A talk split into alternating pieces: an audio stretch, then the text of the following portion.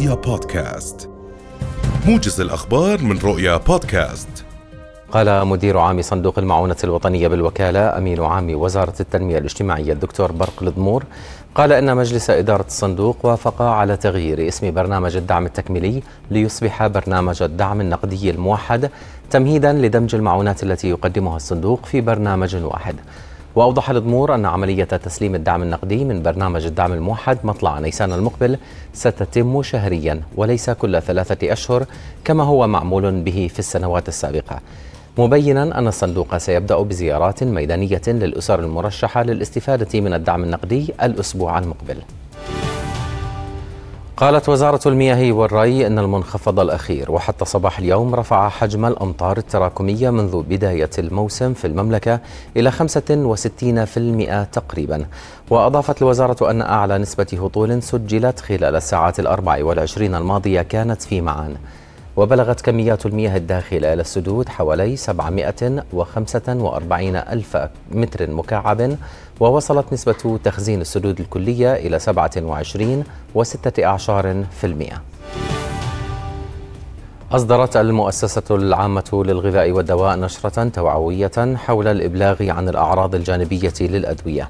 وشددت المؤسسة على أن الإبلاغ عن الآثار الجانبية يسهم بحماية المواطنين وحماية عائلاتهم والآخرين داعية للتواصل معها للاستفسار عن أي أعراض جانبية والإبلاغ عنها. قال وزير التربية والتعليم وجيه عويس إنه رصد السعادة على وجوه الطلبة بعد عودتهم إلى التعليم الوجهي اليوم. وقال عويس أن الوزارة بحاجة إلى بضعة أيام لتقييم مدى ارتفاع إصابات كورونا جراء عودة التعليم الوجهي في المدارس متأملا عدم انتشار الفيروس بين الطلبة.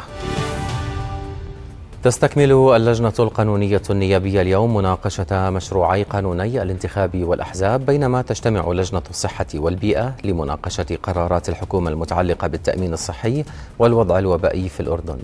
وتواصل اللجنة المالية مناقشة تقارير ديوان المحاسبة للأعوام من 2018 وحتى 2020 والمتعلقة في الجامعات الأردنية الهاشمية مؤتة والعلوم والتكنولوجيا. قالت عضو الكنيسة الإسرائيلي إيميلي مواتي إن هناك تقدما في المفاوضات غير المباشرة مع حركة حماس بشأن إعادة جنود الاحتلال الإسرائيلي والمحتجزين المدنيين لديها. إيميلي لم تقدم مزيدا من التفاصيل حول المفاوضات واكتفت بالقول إنها قضية حساسة وسرية ولكن هناك تحركات لن أفصح عنها. وأضافت أنها متفائلة جدا بأنهم سيعودون إلى بيوتهم قريبا. أكد رئيس الوزراء البريطاني بوريس جونسون اليوم أن روسيا تستعد لما يمكن أن يكون أكبر حرب في أوروبا منذ عام 1945 وقال جونسون إن كل الدلائل تشير إلى أن المخطط بدأ بطريقة ما.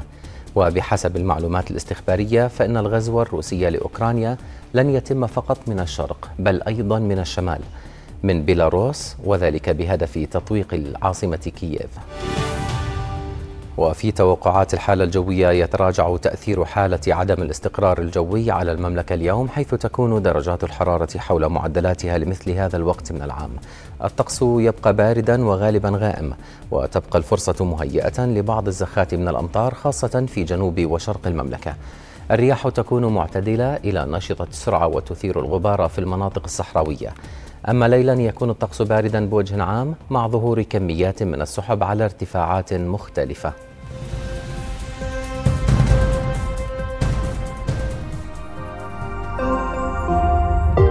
رؤيا بودكاست